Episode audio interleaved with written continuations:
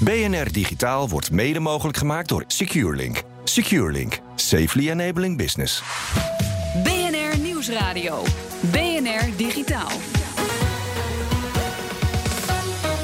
Herbert Blankenstein. De cryptocoins Bitcoin, Gold en Verge zijn vorige week geraakt door een 51% aanval.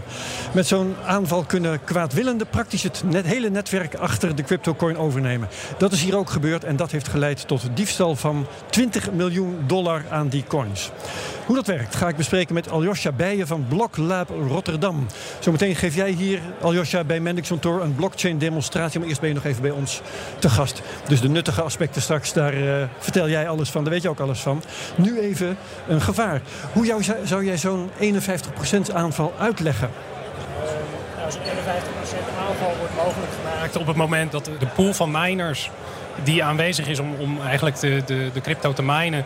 Um, voor 50% plus 1 uh, overgenomen wordt door iemand die uh, er kwaad mee wil doen. En eigenlijk uh, het ledger wat, wat langzamerhand wordt opgebouwd om dat naar zijn hand te zetten. Ja, um, in feite uh, werken miners op zo'n manier dat, dat de meerderheid de dienst uitmaakt. Daar komt het ongeveer op neer. Hè? Ja. ja.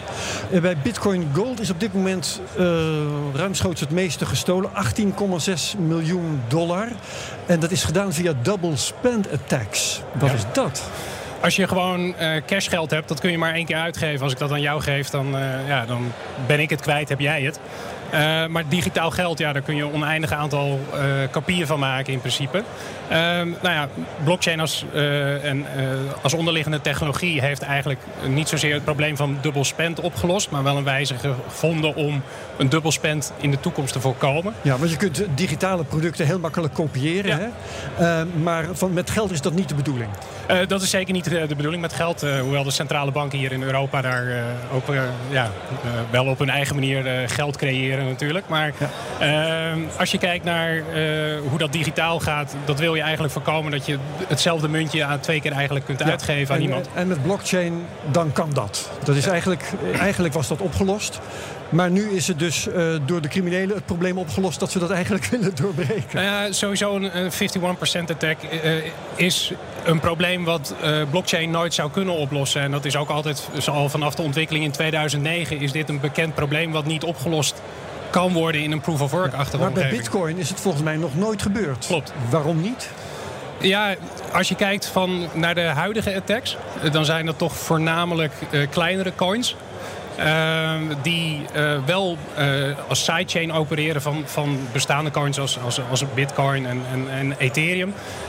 Um, en stel als je nu 2% van de mining power hebt voor Bitcoin en je gaat opeens naar een altcoin die gebaseerd is op Bitcoin.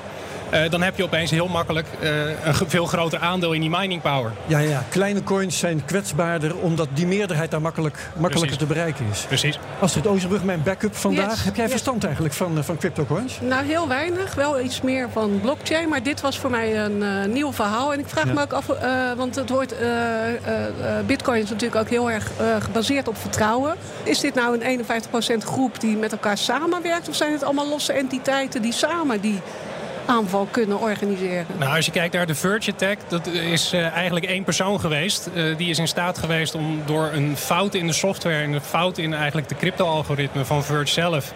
Uh, heel snel binnen een seconde een blok zelf te maken en te verifiëren. Uh, nou, dat kon hij zo snel doen, uh, waardoor hij eigenlijk uh, elke keer de, de transactiefee en, en de, de mining fee eigenlijk, voornamelijk de mining fee, ja. kon opstrijken. En daardoor heeft hij dat geld weten op te halen. Uh, dus, dat, ja, dus dat is eigenlijk geen 51% attack. Dat is gewoon één iemand die een loophole in de software heeft gevonden. Juist. En dat was een loophole die al bekend was trouwens. Uh, en gewoon niet goed gepatcht. En die Juist. was vrij snel ook weer gevonden dan, of niet? Uh, ja, was heel snel weer gevonden. Ja. Wat ze er vervolgens mee doen. Ze hebben de vorige patch ook niet opgelost. Oh. blijkbaar. Dus, Oké, okay, dus even uit de buurt blijven van die Coin Verge. ja, ik, ik zit zelf niet in crypto. Dus ik... Okay. Alleen in blockchain. Ik geef geen beleggingsadvies. Nee, dat begrijp ik. Dat begrijp ik. Maar bij Bitcoin Gold was dus wel die double spend attack gelukt. Uh, coins twee keer uitgeven. Dan is er dus in feite gestolen. Maar uh, van wie wordt dat dan eigenlijk gestolen? Wie is er nou benadeeld? Uh, ja, in het geval van Verge bijvoorbeeld is dat uh, eigenlijk uh, de, degene die ehm, het minen doet. Krijgt een beloning. En die mined, eh, dat zijn cryptomuntjes die dan opeens in om, omloop komen. Ja. En hij strijkt eigenlijk die, die mining eh, fee strijkt hij op. Ja, dat was Eh, bij Verge. Maar, dat- maar bij de double spend attack van Bitcoin Gold... is dat uit te leggen wie er dan eigenlijk zijn geld kwijt is? Nou ja, dat, dat zijn degenen die eigenlijk de slachtoffer zijn geworden van de dubbel spend. die daar, Mensen die iets verkocht hebben ja, voor coins... die dan vervolgens toch weer niet komen. klopt. Daar komt het dan eigenlijk Ja. op neer. Ja. Ja, ja, ja. Wie heeft er nou precies wat aan zo'n aanval? Hè? Wie, wat, zijn, eh, wat is het motief van die criminelen? Ze, worden er gewoon rijker van natuurlijk, dat snap ik. Maar waarom kiezen ze een bepaalde coin?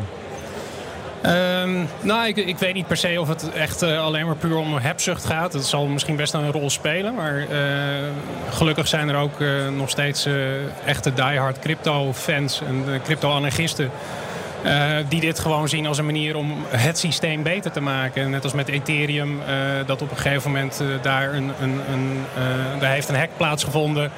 Toen is Ethereum is opgesplitst en toen hebben ook een aantal crypto-fanaten gezegd van ja, maar dit is, we hebben dit met elkaar afgesproken. Dit is een contract dat door het systeem gegaan is. Dat moet je respecteren, ook al is dit niet wat je voor ogen had. Dus er zitten ook nog wel echt wel wat idealisten, denk ik, hierachter. Ehm dus ja, dat, dat, eh, en, en ja, dat, dat er mensen zijn die daar eh, makkelijk hun geld mee kunnen verdienen, ja, dat zal eh, zeker zo zijn. Ja, ja. In het geval van The Verge moet er dus gewoon een bug in de software worden verholpen. Ja. Hè? Dat hadden ze eigenlijk al langer moeten Ja. ja. Denk je dat ze dat nu in grote haast gaan doen? Eh, ik mag het hopen van wel, eh, dat ze daar in ieder geval serieus mee omgaan. Eh, Ja. En, en ja, daarbij heb ik niet echt... Nee, dat, begrijp ik. Je, bent, je, al- bent, je kent ze niet eh Nee, ik persoonlijk. ken ze niet persoonlijk. Dat, nee. dat snap ik. En in het geval van Bitcoin Gold ging het dus om een 51% aanval. Ja. Ehm, als ik jou goed begrijp, is daar eigenlijk geen verweer tegen mogelijk. Niet met eh, een proof-of-work eh, eh, algoritme of met een proof-of-work consensus algoritme. Dus dan moet je het hele proces van minen moet je gaan veranderen. Ja, ja. Nou ja, je ziet dat, dat kan bijvoorbeeld. Dat kan wel. Ethereum eh, maakt bijvoorbeeld nu de. eh, is, is van proof of work naar een proof of stake-achtige. En dat betekent, als ik goed geïnformeerd ben, dat eh, de, ehm, me- de, de bezitters van de meeste coins eigenlijk een stem krijgen in Ja. het, eh, verifiëren van die transacties. Klopt. Ja. Ja. En raakt dit nou, nou vooral de kleine crypto-mines of, of ook de grote? Dus als bitcoin en...